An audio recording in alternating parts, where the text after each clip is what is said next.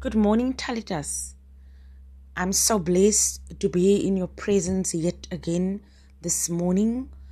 And as we are celebrating one year of Vaughan Radio, I feel honored to be a part of VON Radio.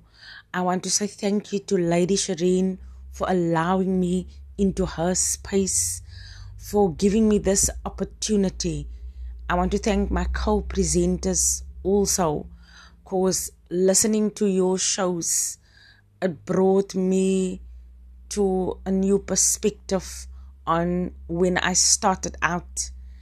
And yeah, when I started out, all of us know then there's the nerves, the uncertainty, the fear. And I remember one of my pastors at church told me that Fear is not from God. He didn't give us a spirit of fear. And that became my anchor when nervousness stepped in. I remember, if you look back on my shows, how the enemy attacked my vocal cords. That was the enemy wanting to keep me away from what I want to do. And yeah, he didn't get it right. For greater is he that lives inside me than he that is in this world. Isaiah 41 verse 10 has become my anchor. Fear not, my daughter, for I am with you. Tallitas have been dropped in my spirit 12 years ago, and God has made it a reality for me. And yeah, like Lady Shireen said, our destiny helps us, and she is one of those helping me and pushing me into my destiny. I don't really listen to my shows when it's live because I'm scared to hear, oh, there I made a mistake, there I made a mistake. But our mistakes are there to um to mold us to do better. So yeah, my son listened to my shows after I've recorded it after the show, and then he is like the teacher marking there, marking here. And then he will say, Mommy, there you said something wrong. And yeah, I appreciate my son. I appreciate my husband. Because there's times when I don't really get time to record my show. Then I have to get up very early in the morning. I've started a new job, as I said on my show, and it's draining me also. But my husband, he is always there for me, holding my hand standing up, making coffee.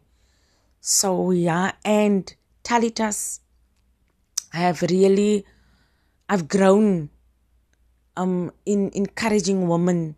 And as one of my dear friends, Colin, said the other day, that yeah, when you listen to your shows, it also discipline you in a way. Because listening to you and what I'm saying to other women it's also teaching me, disciplining me. So, yeah, I know God is going to take us, Vaughan Radio, to greater heights. And we are so blessed.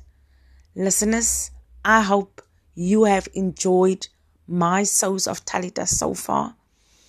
And yeah, there's days, like Lady Shireen said, when you see two or three people listening to your souls you become despondent.